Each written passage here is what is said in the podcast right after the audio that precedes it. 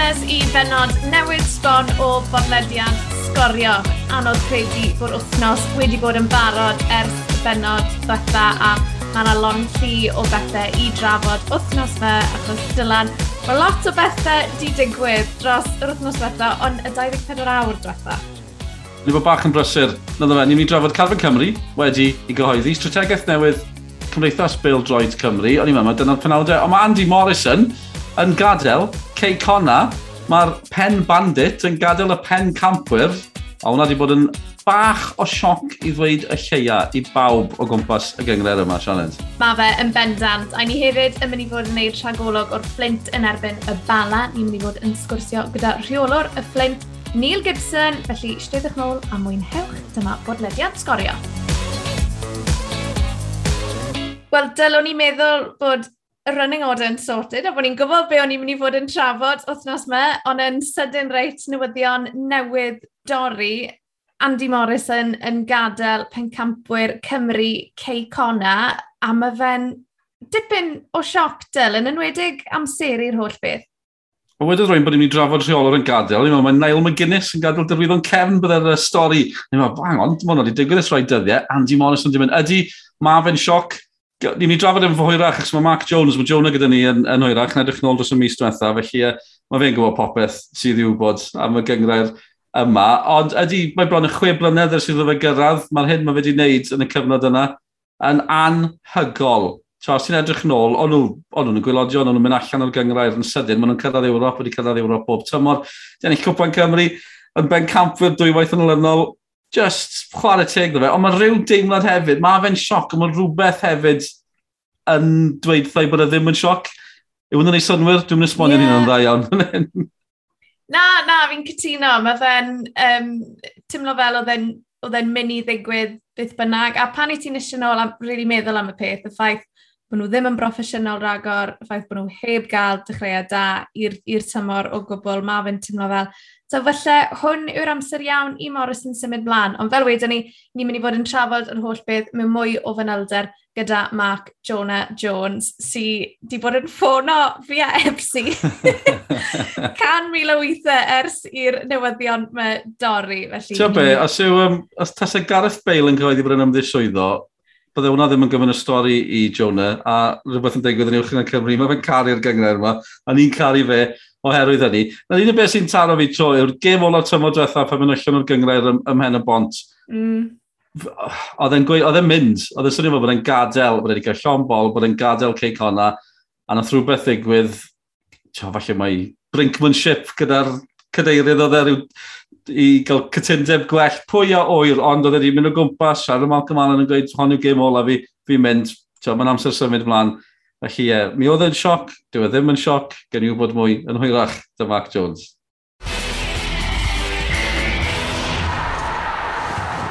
Beth am drafod Cwpan Cymru hefyd, achos o'n ni yn Rhefelyn, pnawn di Sadwn, Sioned, lot o edrych mlaen ar gyfer y gêm yma. Cei Conna yn gyfforddus yn y pen draw, a gêm ola Andy Morris yn wrth y lliw, pwy feddyliau, neb wedi proffwydo hynny. Fi'n credu dweud y gêm yma, tair wythnos rhy hwyr i drefelyn, chos pan oedd yr enw allan o'r het, ond nhw wedi chwarae chwech, ond nhw wedi colli dechrau tymor. Erbyn y gêm a gyrraedd, nhw wedi colli tair yn olynol, colli mwy na hanner i carfan, i Covid ac anafiadau, ond uh, o ti'n a cyn fi, felly gysdi bacon rolls o croeso cynnes. Nes i gael y croeso cynnes, ond dim y bacon rolls cynnes.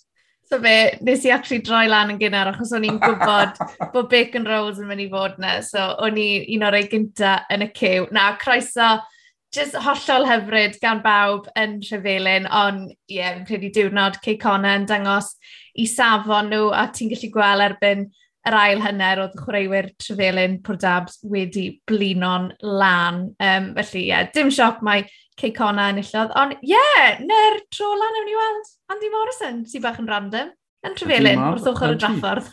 Ie, yeah, wrth gwrs, oedd yn lle gret yn croeso un o'r clybiau yna, sydd, maen nhw wedi esgyn mor gyflym, chi'n chi gweld bod yna fwlch na. Oedd cwpl o gemau chi'n gweld mwy o fwlch na gynnu mm. i hmm. disgwyl. O'n i wedi canolbwyntio lot ar gem um, y balan efo'n Pont y Pryd o'n i'n rili really edrych mlaen i weld hwnna, achos pont y pryd, o, oh, ond mae'n gwneud yn wych yn y de, mm. ddim di colli, so ond wedi colli ys dros 20 gêm. Oedden ni, mae Tymor Balan roi hi bod nhw, oedd Ebus Holford hefyd, fi'n gweld hon yn agosach, Holford ddim yn cael tymor gwych, Ebus ar y brig yn y gogledd, ond uh, Holford ddim yn hi o ddwy gol un, just, falle fod yn dangos i ni fai mor grif yw, uwch cyngreir Cymru, fod ti'n gweld y clybiau gorau fel cyngreiriau is, dim yn cael ei chwalu, ond tiod, sy'n nhw'n benwthnos dan yna fe. Mae rai fi sôn am Saltney, ti yn y drydydd hau, nhw'n curo penryn coch, Mae nhw'n mynd i fod yn gwnebu Aberystwyth yn y rownd nesa, a fi, pwy bynnag sy'n redeg i Twitter account nhw, Mae nhw'n hilarious, achos mae tweets nhw wythnos yma wedi bod yn, yn gret. Os nag os rwy'n o Saltney yn neud salt by tweet neu rhyw gif, ti'n mynd i fod yn siomedig dros ben na beth ni angen nesaf yn y rown nesaf. Wel, mae'n i ennill efo'n penryn, allan nhw fynd i chwarae yn efo'n tîm o'r un ardal yn efo'n Aberystwyth. Un o'ch bwyntiau fi, pen y bont yn ennill yn Cambria yn y clydach, goliau yn dod mewn cyfnod o 10 munud. Mae un o'r goliau, Nathan Wood, o, oh, nes i fwynhau hon. Drychwch ar gyfri sgorio, cewch i'r wefan, cewch i'n y cymdeithasol ni. Um, mae yna flics dros y lle i gyd. Mae yna gyffyrddiadau. Mae jyst yn gol hyfryd. Da iawn pen y bont, ie. Yeah. A neud yn un o'r rhondda, mae hwnna'n cymryd bach o gyts hefyd. Yn bendant. A Del, fi'n credu un canlyniad sydd wedi mynd o dan y reda o bosib yw'r Met Cyrdydd yn curo'r bari o dair gol i ddim. O bosib yn ganlyniad anusgwyr, Ebsi? Mae fe'n ganlyniad mawr. Fi eisiau gwybod beth sydd wedi digwydd i Emlyn Lewis. Peder gol mewn peder gêm. Gath e yr fwy o fan nhw yn Aberystwyth yn y gêm, un gêm gyngrair, un gêm gwpan. Mae fe'n mwynhau sgorio yn efo'n Aberystwyth. Sgwn i pam bachgen lleol hefyd, ond ie, yeah, Emlyn, Star Striker, beth sy'n digwydd iddo fe? Ie, yeah, be bynnag mae Emlyn Lewis yn bita i fracwas, lle gen i wybod, achos mae e ar dan ar hyn o bryd. Lot! Yw'r ateb yw hwnna. Cas o David, na'r gyfrinach, na'r gyfrinach. Oedd e dweud ar y podcast yma, felly mae ni sydd wedi ysbrydoli e. Yn bendant. Ond fi'n credu o bosib sioc y penwthnos oedd Carfyrddin yn curo'r dre newydd. Dim lot o bobl, ti gweld hwnna'n digwydd, a fi'n siŵr, wel, fi'n gwybod oedd Chris Hughes yn, ie, yeah, oedd e ddim yn hapus ar ôl. Am eich un o griw sgorio wedi sôn, felly mae fyna bydd yr sioc, felly llon gyfyrchiadau iddyn nhw, a wedyn ni dath yr enw allan o'r het. Gobr Carfyrddin, gem gartre yn ebyn y seintiau, a mae yna gemau e diddorol dros y lle i gyd. Um, Saltney yn cwrdd Aberystwyth, fel ni wedi sôn, Flint yn efo'n Ceit Conna am gêm fydd honna. Yn yr un sy'n yn dal yn sylw ni, ar ôl nhw chwalu rhythyn, mae Bai Colwyn yn gwrdd o Met Cardydd. Bydd hwnna'n ddifur dros ben. Ie, um, yeah, gobeithio gawn ni dipyn o dorf hefyd. Wel, o'n i just yn mynd i weid, fi'n credu o ran y gemau gyd, hwnna salt ni hefyd, i ni'n disgwyl torfeidd mawr yn y gemau yna yn sicr. O ti'n beth sy'n mor braf am Bai Colwyn, dwi'n bod yn edrych ymlaen i fyna ers spel, falle gawn ni gyfle yn y rownd yma, pwy o'r cymbo hir, Achos 30 mlynedd yn ôl, oedd uwch gyngor Cymru'n cael ei sefydlu. Um, o, oh, dim pwynt fi ddod gofyn os ti'n cofio hynny. So, na ti ddim wedi cael dy enni. A dim bai ti yw hynny, ond dwi dal yn cysau ti am y ffaith yna.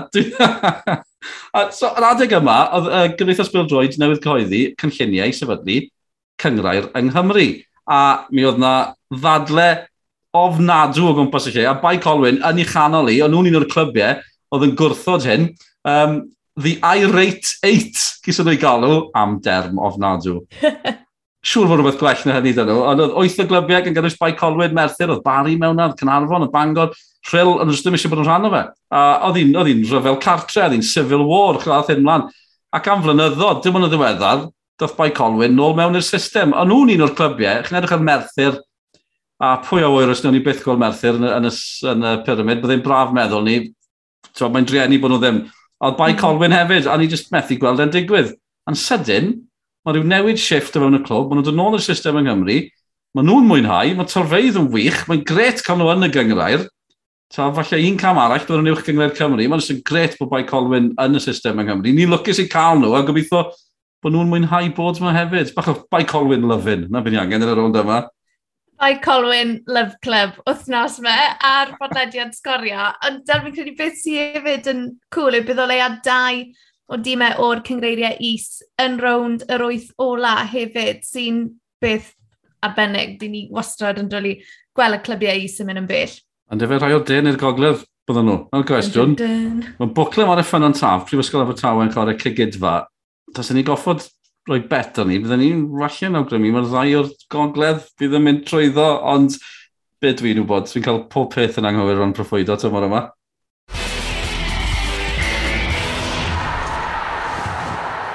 Wel, o gwpan Cymru i garfan Cymru, mae Rob Page wedi enwi i garfan ar gyfer y gemau yn erbyn y Weriniaeth Siec ac Estonia mis nesa a dyl beth yw'r prif bwyntiau ti'n credu O, dwi'n Gareth Bale ddim na, na gyd fi sy'n siarad am. Os unrhyw bwynt siarad am unrhyw beth arall, dwi'n Bale ddim na. Na, mae'n lot o benawdau eraill. O'n i'n amau bod hyn yn mynd i ddigwydd. O'n i'n drafod yn y man, gynnu glwg gan Robert Page. Ond ie, dim Gareth Bale. Mae Aaron Ramsey yn y garfan am nawr. Pryd ni'n mynd i weld yr, y tweet na. Diwedd ariad carfan. Dun, dun, dun. Aaron Ramsey wedi cael anaf dy event. A dim eto, gen i weld. Gobeithio. Gobeithio bydd Ramsey yno. A wedyn ni, Sorba Thomas yr asgellwr yma o Huddersfield. Mae fe'n tanio yn y ben campwriaeth. Felly mae fe mewn hefyd. Mae hwnna'n newyddion diddorol dros ben. Mae'n braf gweld y gwaed newydd yn dod mewn i'r garfan. Ond ie, yeah, Zorbodd y Greek, Zorbodd y Welshman, fi'n credu, yw e, erbyn hyn. Dewch i ni glywed gan y rheolwr yn ytrach na fi yn parablu mlaen fan hyn. A, a Sioned, oedd yn holi Robert Page. I've been seen sober a few times now. I think he has got that little bit of creativity as well, so that's a positive from the coming into the group. Gareth's absence So to have those players competing for that position as well now behind Gareth is uh, is only going to benefit us. And, you know, he's been released from West Ham, and as any young boy would, would be devastated by being released from Premiership club. But he showed great character to go and play non-league football and, and bounce back again. And, and, he's so first and foremost, you can see that he's got a, a great attitude um, and a great outlook. You know, to, to keep himself positive. He's deserved his move. Um, he dipped in and out of the championship at Huddersfield the back end of last season. he's hit the ground running this season, and I've seen him two or three times and, and been really impressed. So it'll just be a conversation, a brief conversation, welcome into the group, and like I said, um, and, and tell him not to just turn up and make the numbers up, but just to make, uh, make a name for himself. A dyna ni, Robert Page. Um, sut oedd e, Sioned? Achos fi'n gwybod dim Gareth Bale. Pawb sy'n siôn am Gareth Bale. Solba Thomas yn dod mewn, sgidiau mawr i'w llenwi. Gareth Bale allan, Solba Thomas mewn, drion a fe. Na, mae'n gret bod e mewn. Mae'n gyffroes. Siwr oedd Robert Page? Na, oedd e'n oreit. Dwi'n credu yn amlwg mae pawb di siomi am bel, ond eto ni ddim yn surprised, dwi'n credu gyda'r holl Sion sydd wedi bwyndo mas o Real Madrid a Carlo Ancelotti. Sa'n credu o'n i'n... Yeah. O'n i ddim yn credu bydde fe yn y garfan yma i fod yn hollol onest. Beth oedd e'n... teimlad, fi wedi clywed ambell i newydd y dyror yn sôn am ond maen nhw'n credu bydd yn oce okay ar gyfer mis tachwedd. Efe na'r mm. vibe o gwmpas y lle?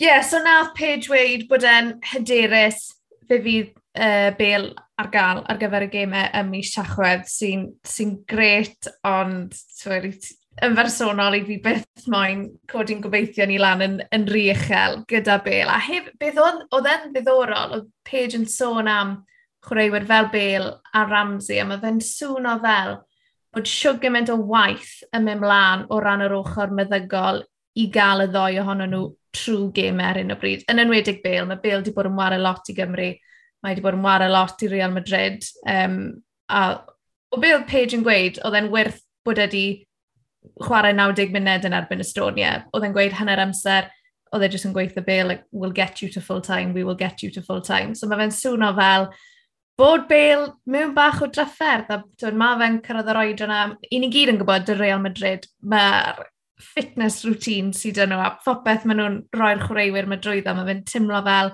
bod hwnna a'r holl deithio a hedfa nôl ymlaen. Ie, um, yeah, yn dechrau dal dalan dy bil, So, e, ie, yeah, sa'n siŵr fel yr un timlo yn clywed y fath yna o stwff, achos mae fe'n neud i fi feddwl, wel, am faint i ni'n mynd i gael Gareth Bale o gwmpas. Ie, yeah, wel, gwerthfawrogwch pob eiliad fi'n credu, dyle pawb, bob cyfle i fynd i wylio Cymru dros y blwyddyn, dwy flynedd nesaf, just cewch i wylio Gareth Bale. Just er mwyn bod chi eisiau gweithio'ch plant a plant eich plant, bod chi wedi gweld Gareth Bale, achos bod bod tro mae rhywun yn gweud thai, o, nes i weld John Charles, fi'n fel, o, fi'n gwrth modd yn gweld John Charles, y chwarae pel droed, John ar lefel ni arni. Um, mae sorba yn un diddorol, yn gwybod, mae lot o bobl wedi bod yn galw am y gŵr yma ers spel, mae fe'n cael blwyddyn ddiddorol hefyd. Mae fe, dwi'n fe'n... Mae fe'n stori rili really neis nice mewn un ffordd. Na mi eisiau nôl oedd y boi yn ware i Borem Wood, a neb wedi clywed amdano fe. Yn sydyn reit, mae'n wario yn y ben campwriaeth, gath ei enwi chwaraewr y mis yn y gyngrair, y mis awst. A nawr mae'r boi yng Ngharfan Cymru. Um, fi'n credu mae fe wedi troi mewn i bach o hero ar ôl yr holl busnes FIFA yna, ben croesi mas, banner Lloegr, a di roi'r rai goch yna yn lle. So fi'n credu mae Mae fe'n teimlo fel bod lot o gefnogwyr Cymru yn caru'r boi yma, a sneb di actually gwelen wara eto. So, byddai'n ddiddorol i weld sy'n mae fe'n neud, byddai'n ddiddorol i weld os mae fe'n wara. Eto, Paige yn gweud, dwi actually heb siarad gyda Sorba Thomas eto, wedodd e, I don't know the bloke personally. Um, Sy'n ddiddorol, twyd, so yn amlwg mae e hefyd yn rhywun hollol newydd i Paige. Um, felly ie, yeah, gewn ni, gewn ni weld, ond i ti, twyd, mae fe'n anodd iawn cael rhywun i gymryd lle Gareth Bale. Um, Wel, sa'n credu bod e un o'r yn bosib, achos dim lot o Gareth Bales yn y byd me. Ond amddiffyn yn poen i fi, na un peth sy'n poen i fi, mm. sôn am Gareth Bale, fi'n gwybod bod chreuwyr o gael, ond bobl bach, pan chi'n gweld gymaint yn nhw, neu cyn lleid nhw sy'n chwarae, Ben Davies, Joe Rodon, ddim yn cael cyfle gyda Spurs, A dwi Spurs ddim yn mynd y wych ar hyn o bryd, o'n i'n well fi sôn am, am Spurs yn y podcast yma, gan bod fi wedi cael wythnos da yn, gwylio Arsenal. O'n i'n dechrau wyndran pryd mebs i mynd i sôn well. am Arsenal yn chwalu, yn chwalu Spurs o dair gol i un, ond na fi'n cytuno, dwi'n gath Spurs just hynlle yn yr Emirates dros y penwthnos, a ti'n gweld, oh, os bosib Joe Rodon yn well na Eric Dyer i Tottenham, ti'n ti just, a i fod yn deg, nodd Paige Wade, nodd Paige ddim yn swno'n hapus iawn. Oedd e'n gweud, oce, okay, mae dy ti chwaraewr gorau Abertawe yn symud i glwb mawr a mae'n llwyr heiddiannol o hwnna, ond pam i chi'n arwyddo rhywun jyst i gael yn eistedd ar y fainc, pam neu chi'n gallu hala fe mas ar fenthyg um, i wneud yn siŵr bod e'n ware, achos mae Page yn ymwybodol o'r ffaith dyw lot o'i amddiffynwyr e ddim yn chwarae'n rheolaidd o gwbl ar hyn o bryd. Ie, yeah, wel, yn union, pan chi'n um, ychwanegu Tiod, mae Nico Williams wedi bod allan, Conor Roberts ers yn wedi Burnley, mae fe wedi bod allan am gyfnodau hir hefyd. Mae James Lawrence yn chwarae, ond tiod, dwi'n eisiau bod yn greulon i, i St Pauli. Mae nhw'n dîm cool, mae kit cool dyn nhw, ond dyn nhw'n ar y lefel uchaf yn y byd, na gen nhw i fod yn ollol onest. Cho, falle mae'n chrywyr eraill, fel, tiod, falle mae'r chrywyr o'r cyngreiriau is sy'n mynd i gael ni, mm. gael ni drwyddi, ond oh, yn amlwg, os yw Rodon yn gael, os yw Ben Davies yn gael chi chwarae nhw, mae'n mae poen i chi bod nhw wedi bod yn chwarae llawer Ie, yeah, un peth arall fi'n credu sydd wedi mynd o dan y red at yma bach, yw dim Ben Cabango yn y garfan. Ben Cabango wedi cael ei adael mas. So ni fan hyn yn sôn am, am ddiffynwyr ddim yn ware. Mae un ware i Abertawe, ond Paige ddim yn, ddim yn ffensio fe tro yma. Nes i ddim spotio hwnna. Da iawn. Chi'n edrych trwy'r garfan, chi'n edrych ar yr enwau, chi'n meddwl, dwi'n beil ddim lan. Yeah. Fi wastad yn methu un. Fi wastad yn un stori. Ie, yeah, dim Ben Cabango. Ble mae Ben? Ble mae yeah, Ben? Wel, mae'r gemau gyda ni yn fyw ar Esbydrec mis nesaf. Edrych ma'n yn fawr at hynny, neu pryd bynnag chi'n gwrando ar hwn, gwrando ar hwn dros y penwthnos, mis yma, cos mae bron yn, yn fus adref. Na yw i, a ti'n cael teithio? Ti'n cael teithio gyda'r cefnogwyr, Sean, ydy hwnna'n gywir? Wales away, sgorio away i ni'n mynd i fod ar yr awyren yn hedfan mas i Prag a Talyn. Felly, yeah. Dwi'n sgorio away ddim coet mor wyllt o Wales away, cofio. Ond cer o bucket at rhaid gofn. A fi a bucket hat, just rhaid gofn, jyst fel bod fi'n gallu ffito mewn. Ti wedi cael wythnos brysur, Sioned, achos yn ogystal â siarad gyda rheolwr tîm Pildroed Cymru, Robert Page. Ti wedi bod yn uh, siarad gyda prif weithredwr newydd Cymdeithas Bildroed Cymru, Noel Mooney, ond yn fwy na hynny, y lawnsiad yma, wythnos yma, strategaeth newydd y Gymdeithas Bildroed Sirathu. Ie, yeah, ta beth, oedd hi'n gret. Mae lot o gynlluniau uchelgeisiol iawn gyda'r gymdeithas, felly oedd e'n ddiddorol i glywed syniadau'r prif weithredwr um, a pham sydd ynglwm ar gymdeithas hefyd. Nawr ni sôn am yr holl beth yn y man, ond gyntaf beth am i ni glywed gan Noel Mooney i hun. We're more confident than ever that the strategy we launched today, Our Wales, is the right formula for bringing football in Wales to the next level.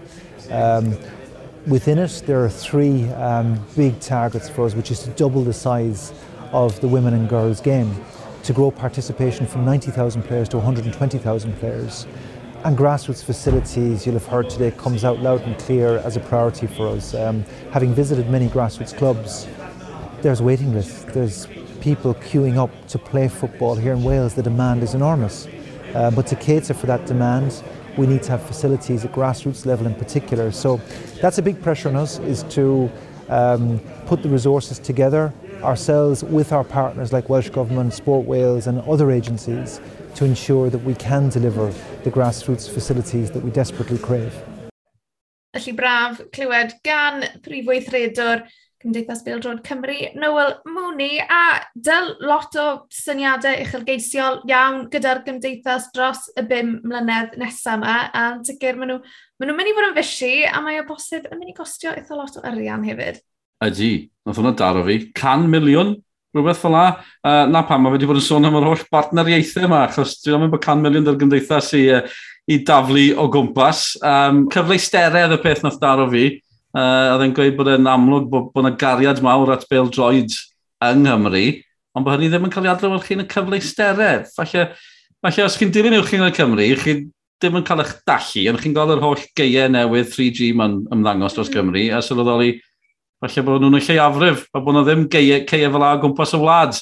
Nath Noel Mooney bwynt really nice yn gweud, os i ni moyn cadw oh, cael chwaraewyr fel Jess Fishlock, fel Joe Allen, fel Gareth Bale, mae rhaid i ni wneud yn siŵr bod y cyfleusterau yna o pan mae plant yn dechrau wario pan maen nhw'n nhw ifanc, achos hwnna fydd yn sicrhau llwyddiant i'r tîmau cenedlaethol yn y pen draw fan mawr yn amlwg bod lot fawr o sylw yn mynd i gael ei roi i gêm y merched yng Nghymru sydd just yn, yn hyfryd a yn bendant mae fe werth yr holl ymdrech a mae fe'n sŵn o fel bod hwnna'n mynd i fod yn brif ffocws hefyd o ran y cynlluniau. Felly gawn ni weld lle i ni yn 2026.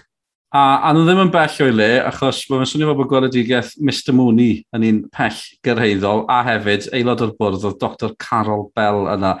Fi yw falle number one fan uh, Dr Carol fel mae'n arbennig roig ar y diwydiant olew, mae'n mlaen dyn ni o Radio Cymru tipyn. Nath i ddweithio fi bod i'n mynd i wylio Arsenal yn chwarae hefyd. Come on, mae'n berffaith, mae'n gwybod i stwff. Os yw hi'n nghanol pethau, byddwn ni'n iawn.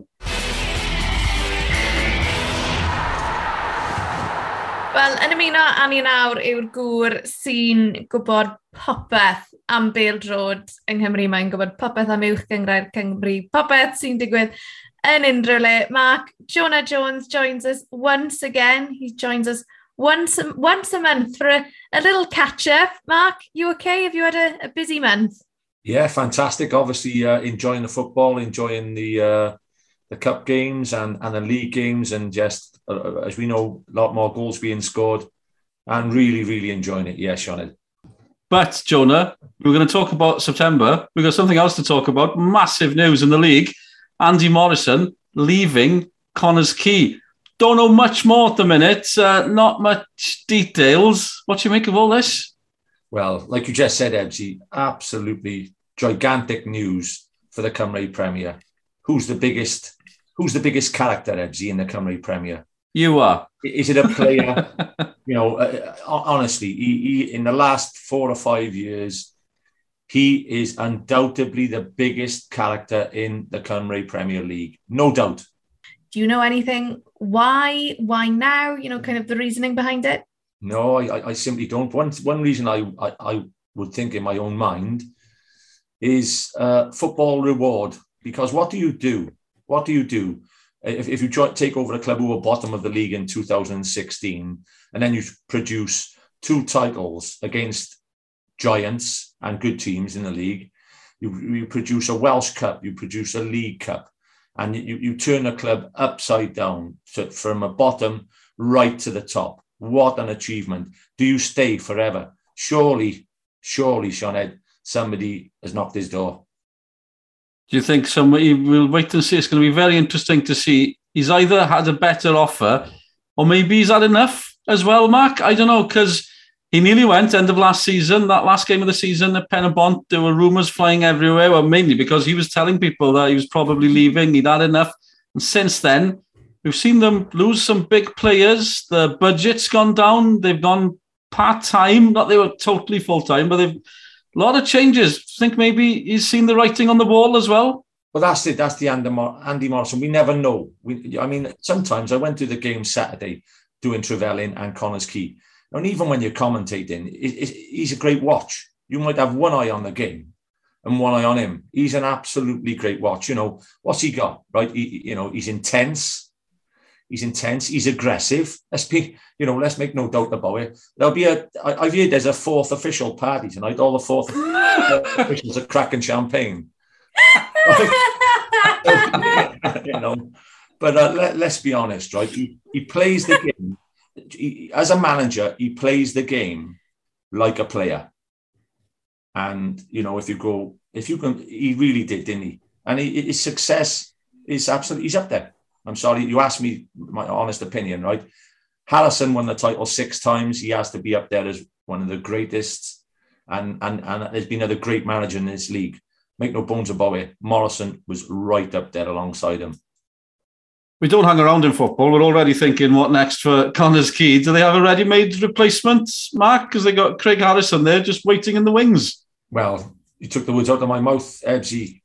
Harrison's done it all before. So if obviously he wants to have a, a shot at managing again, it's a great place for him to start. He's got a wonderful assistant there alongside him, Jay Catton. They've worked together under Andy Morrison. I'm sure they'll keep the same standards he must have high standards, having won the title six seasons himself. So I don't think uh, Connah's Quay would look to have, you know, to have to look far. But were were the big man Morrison to go to a football league club, maybe he'd want to take them two with him. So, like you said, it's an open door. When one manager goes, you know, one door closes, another one opens, and we'll just have to wait and see. And hopefully, we'll know sooner than later.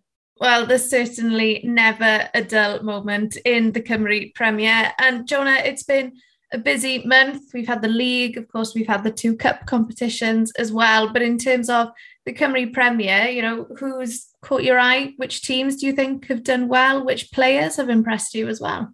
Yeah, I think um, standout team of the month. I think uh, Bala have clicked. Bala have clicked into into good form they're winning. They've had three great victories. They had a 1 0 away win at, at Connah's Quay. You know, they, they, they, have had uh, a good, a, a, big cup win against uh, Pontypridd 5 0. And I was against the Pontypridd team. Yeah, a, a, a, level lower they're playing, but they've gone on a 25 match and, and beaten mm. run before then. So it just looks like uh, Colin Caton really has Bala on top of their game at the moment. But I think Bala might be a serious contender. The addition of David Edwards. And they don't forget they had a three match ban, a three match uh, spell without the Golden Boot King, Chris Venables. He's back. He started scoring. Leslie's scoring. Uh, you know, they, they they look a strong prospect at the moment, and um, they yeah they have been the the team of the month for me definitely. And you have to take your hat off then to Dave Edwards would be my player of the month, and Colin Caton has done well obviously, and he'd be my manager of the month I think yeah, it seems like nothing can stop that Bala attack at the moment. Jonah, um, goals. There have been some fantastic goals this month, league and in the cups and everything. We've been spoilt for choice in terms of Scorio's goal of the month. But does one stick stick out for you? Do you know what? First, Jonah, do you know the short list? They had 21 on the short list at oh, the start for the goal of the month. Yeah. They got it down to about 10. it's, it's a goal crazy league, isn't it? I mean, J- Jamie Veal thought he won it t- two weeks ago. Yeah. And then David Edwards. Sometimes you've got to take into context the goal and the game. Mm. You know, I've scored many a great goal out the garden, Edsy.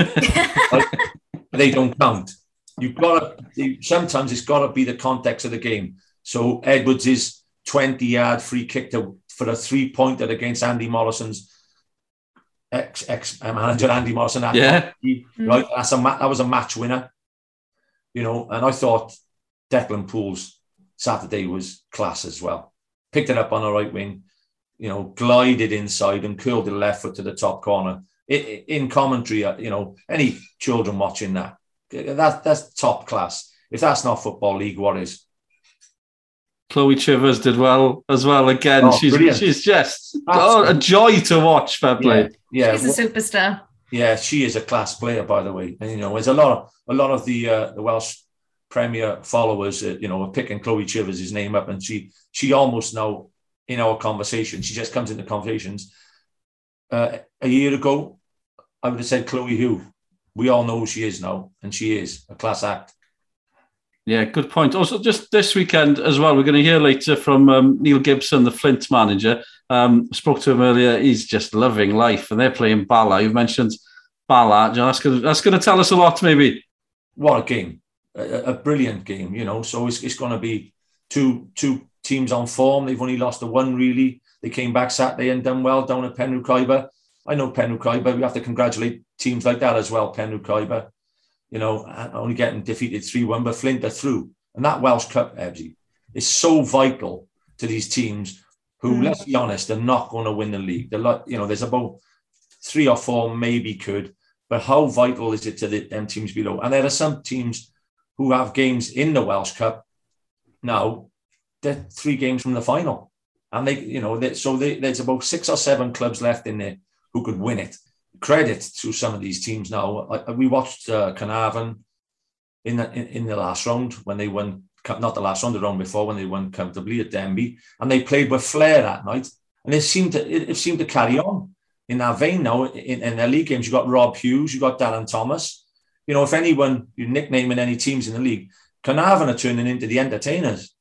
There's, there's no doubt they're playing some good football, and people they'll start getting crowds even higher than they're getting. I'm telling you, because the likes of Thomas and Hughes, they're on fire at the moment. They're great to watch on the television as well.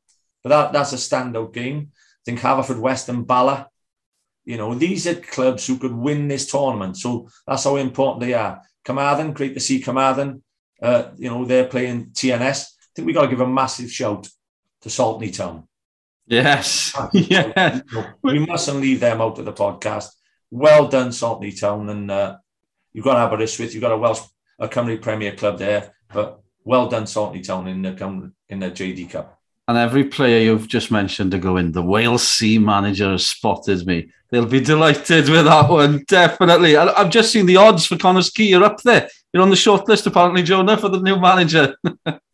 Oh, no problem, Evsy, no problem at all. I'm not giving up the job. I'm not giving up the Scorio job, son. That's good news for us. Brilliant. Thanks for joining us, Jonah.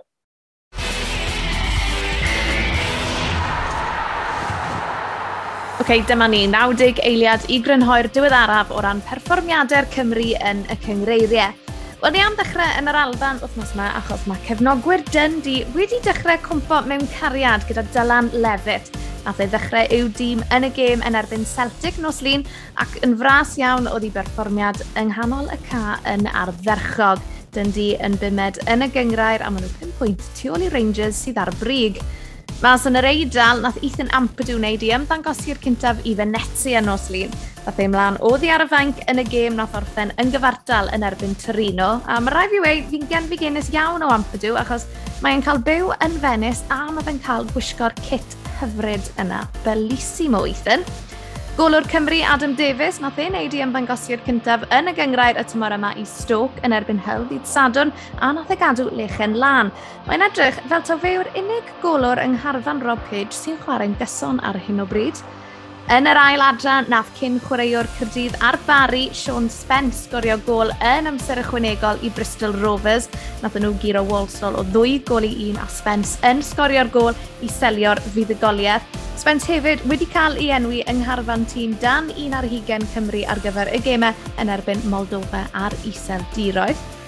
Un o chwaraewyr dan un ar hugen Cymru, Elliot Thorpe, mae e wedi arwyddo i Luton Town yn y bencampwriaeth. Mae Thorpe yn 20 mlwydd oed a nath e benderfynu adael Academy Tottenham er mwyn gallu cael mwy o brofiad yn chwarae. Ac yn sôn am Tottenham, wel, gaethon nhw chwalad yn erbyn Arsenal dros y penwthnos, colli o dair gol i un yn yr Emirates, a ble oedd Joe Rodon a Ben Davies ar y faint. Ewch chi'n edrych ar beth sy'n digwydd o ran y, y pyramid a'r cyngreiriau e, is, rwy'n ni o dan uwch gyngred Cymru JD. Dim gymaint o hynny o newid achos mae pawb wedi bod yn chwarae yng Nghopan Cymru. Wel, dim pawb, ond uh, lot fawr o'r clybiau. Ond jyst wrth i ni edrych mlaen at y penwthnos, mae mor agos ar y brig yn y gogledd, dau bwynt yn gwahanu'r pedwar ucha yng Nghyngrau'r Gogledd Cymru, a mae yna gemau pwysig iawn penwthnos yma, Ebus ar y brig yn cwrdd â bwcle, teithio i fwcles, maen nhw'n deithio'n bell, maen nhw'n un beth o'i plaid nhw. Bai Colwyn, ddim yn siarad lot yn arnyn nhw, maen nhw'n gartref am y llandudno, felly mae gemau gwych o ran y gyngred yma. Llandudloes yn cwrdd â cegidfa hefyd, cegidfa sy'n ail ar hyn o bryd, a cegidfa ac Ebus, ddim wedi colli yn y gyngrair hyd yn hyn. Os droi ni at y de, mae'n agos fan hyn hefyd, triffwynt sy'n gwan i'r pedwar ucha yn y de hefyd, a dyle hynny aros eitha tebyg o ran penwthnos yma. Llanelltid fawr yw'r stori fawr. Maen nhw ar y brig, maen nhw'n cwrdd â ffynon taf, sy'n lawr yn y canol y tabl, pont y pryd sy'n ail, maen nhw'n teithio i gwmbran. Hefyd lawr yn y gwylodion, maen nhw'n gem enfawr yn y gwylodion yng Nghyngred De Cymru, Port Talbot sydd ar y gweilod, Gwndi un o'r gweilod, maen nhw'n cwrdd ei gilydd, a triffwynt gan Gwndi, maen nhw di ennill un, Port Talbot i colli, deg allan o ddeg, sgorio dwy, ni sôn amdano nhw bob wythnos, sgwni, sgwni, os gan o'i pwynt cyntaf o'r tymor yn erbyn gwndi. A hefyd werth nodi, yn y drydedd hain, ond dim bych yn cwrdd â Saltni nos Wener, na lle i fod.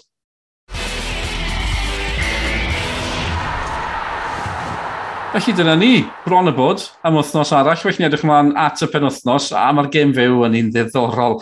Nos Wener, gwedd ar gweddarllediad, mae'n dan un o enwau mawr y tymor. Y Flint yn cwrdd ar bala, mae'r Flint i achosi, uh, gymaint o, uh, o gynnwrf, falle, tymor yma. A cyn i ni drafod yma hon ar gymeriad, Sean, edrych i air dau uh, rheolwr nhw, mae'n gymaint o gymeriad, mae'n gymeriad amlwg yn y, yn y gyngrair, Neil Gibson, gyda gymaint o lwyddiant gyda prestatyn yn ei oes air nhw, ennill Cwpan Cymru, felly ie, ni wedi bod yn siarad efo. Am y tymor ac am y gêm yma. It's been really interesting sort of last three or four months, if I'm honest. Um, sort of the planning started towards the end of last season. Uh, I think knowing there was no promotion and relegation sort of helped because it allowed us to plan beforehand as to what we wanted to do and where the club wanted to go. Uh, I think the football club's got lots of ambition really off the pitch, but probably um, didn't have a structured plan about how we were going to get to where it wanted to get to. And there's some fantastic people at the football club who want, you know, their hometown Flint to do so well. So we sat down and sort of put a bit of a plan together. You know, I've committed for three years uh, now at the football club, so where we want to try and take it to in the next three years. And you know, obviously the thing that catches everyone's eye is the recruitment for the first team because that's you know that's the thing that everybody sees. But behind the scenes, what we've been really trying to do is is is make the club, you know, one club, uh, and whether that's sort of the board, the committee, uh, the volunteers. We're big on trying to make the academy part of the football club, and parents from the academy and academy players at games feeling a connection with the first team is something we're trying to grow the you know the whole community, and then obviously signing a few uh, big name players in this league, I suppose um, creates that enjoyment and that factor of moving things on and they can see where we're trying to get to. Yeah, Mike Wilde was the one that got the headlines, but the recruitment in general caught a lot of us by surprise, I guess. Players like Jack Kenny coming in. Um, I've been using all your connections to get them in. Yeah, I, I think um, obviously in the past, you know, I've never been privileged enough to to work on some of the bigger budgets in the league. Uh, you know, in my time in Prestata, I had to uh, beg, steal, and borrow to get people like Andy Parkinson, Jason Price in at different times. And similar, similar set of circumstances. You know, sell the players the dream of what you're trying to achieve with the football club. Um, hopefully, they know by now. You know, my sort of record and how I do things as a manager sort of uh, gives them an opportunity. They want to buy into what we're about. Um, I've known Wildy for you know a long time. Um, in the last couple of years, we've been working quite closely at Tranmere's youth team. So um, having conversations about what he wants to do over the next amount of years. Never thought that it'd be become available from Conisky, if I'm honest. Um, but when that looked like it was something that could happen, then it's something we try to put wheels in motion because I think going back to the earlier uh, point, if we're trying to create something at the football club, it's about creating a culture with good people first.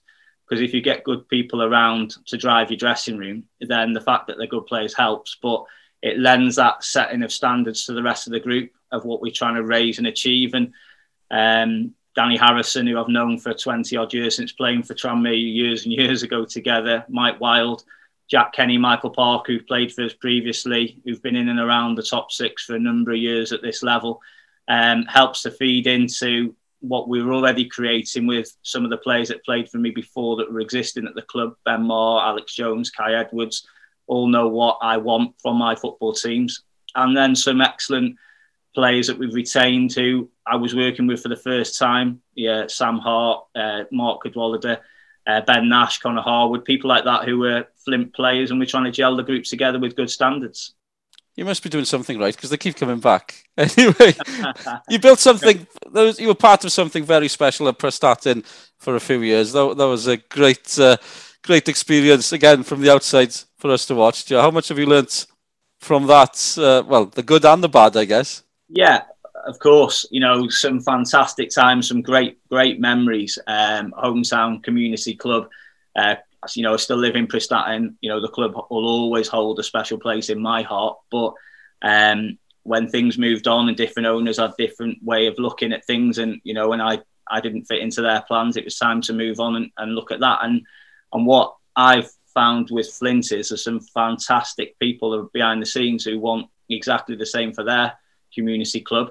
So I feel that I've got the experience and the know and the know-how to to try and implement that for them and try and build them up to that aspect. Now, whether those players are glutton for punishment coming back to work with me again, or uh, hopefully we do things the right way and people see that we have a clear plan about going into every game, a way that we want to play, um, and a philosophy that we want to do things. And it's all based on principles because ultimately uh, if you keep to your word to players and you and you show them that you'll try and raise the standards as much as you can, I think that players want that. They want to buy into that. The game's moved on. You know, uh, players are demanding. They, you know, it's not that long ago that I was playing myself. I was, I was always want, wanting the best when I was a player. So I try and make sure that we, you know, leave no stone unturned for the group. Uh, and you know, we all have excuses as players, as managers. So try and take as many excuses as way as possible and give them the best chance to go and implement it and it's Bala this week. It's going to be fascinating. Some uh, occasion, and I didn't realise the connections with Bala when you were at Prestatyn as well. Yeah, I mean, again, sort of 15, 16 years ago when I took over at Prestatyn as player manager at 26, I think it was ourselves and Colin and and, and Steve Fisher at Bala who were trying to take that Bala into the Welsh Premier League for the first time. We were trying to take Prestatyn into the league for the first time. We got it one year, they got it the next year. And, you know, I've got nothing but admiration for the job that, that Colin has done there um, and that Nigel Ackroyd and Ruth off the pitch have done. You know, fantastic job to see that that small community club grow to now a European uh, um, contenders every single season. You know, Europe every year, challenging in the top three every season. So fantastic. You look at the names on paper that they've been able to recruit now in terms of Welsh internationals and um, former Football League players. So it's great. It's great for the league, and it's great that those players are coming in to play at our league when they've still got so much to offer. And um, these are the games that surely we wanted to be in the league for, and this is what we want to compete against. So I think we've got Bala, then Barry, uh, then Conisky, uh, so then Carnarvon, then Conisky uh, and then TNS. So, you know, it's exciting times uh, and they're games that we've got to try and embrace. And there'll be a good test by the end of the month to see where, you know, where we really sit really after playing those fixtures. And, but the lads are full of confidence at the moment. Um, training is really, really going well. Uh, the results have been good so far this season. So it's all about momentum in football and keeping that rolling as long as we can. And you mentioned Connors Key. You know them well, and they've come up the hats for the Welsh Cup for you as well. As if you you're not facing them enough, you're going to meet them in the cup. That's going to be fun. Yeah, it'll be great. Uh, I mean, I think it's a fantastic uh, draw for the neutral. You know, I'm sure it's one that you know opened everybody's eyes when it came out the hat.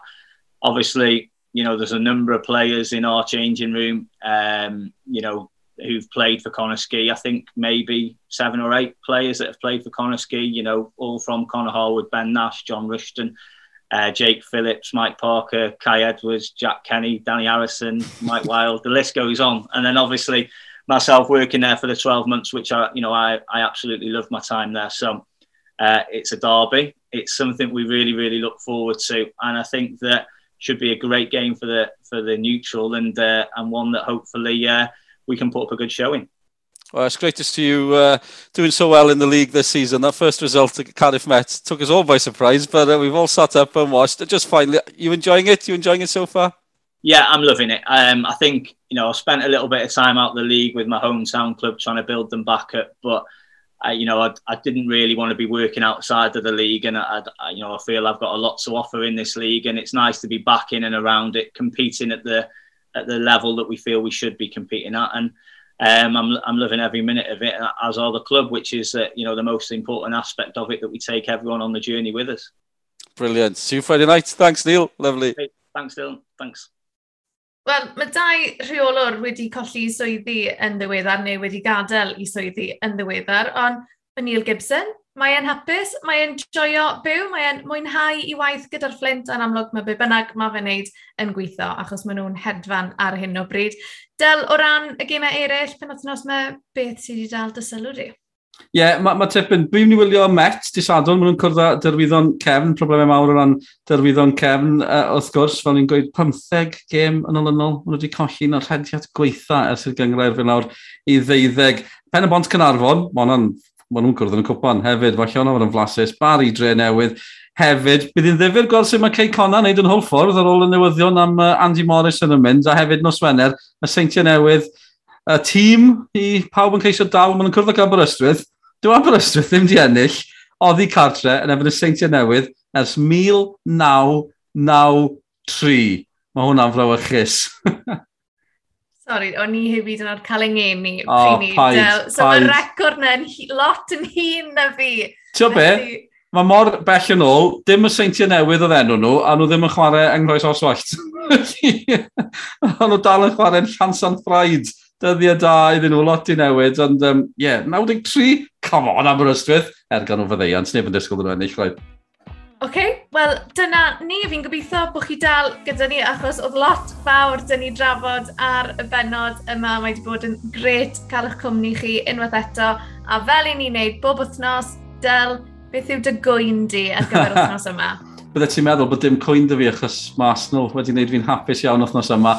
Ond stopiwch prynu petrol. Os nag oes angen petrol arno chi, mae criw sgoriad goffod teithio o gwmpas y wlad. Yn fwy na ni, mae pobl gyda swyddi pwysig goffod teithio o gwmpas y wlad. A hefyd, pwy bynnag sy'n cymryd gofal o Ceicona, maen nhw'n goffod mynd i hoffordd di sadwn. Felly, mae angen petrol arno nhw. Na ni, na'r gwyn. Chi wedi clywed e o Dylan Eb, stopwch prynu petrol, byddwch yn gall. Wel, na ni, am wythnos yma, diolch yn fawr am rando, cofiwch tan ysgrifio ble bynnag i chi'n cael eich podlediadau ni. Gwelwn i chi tro nesaf.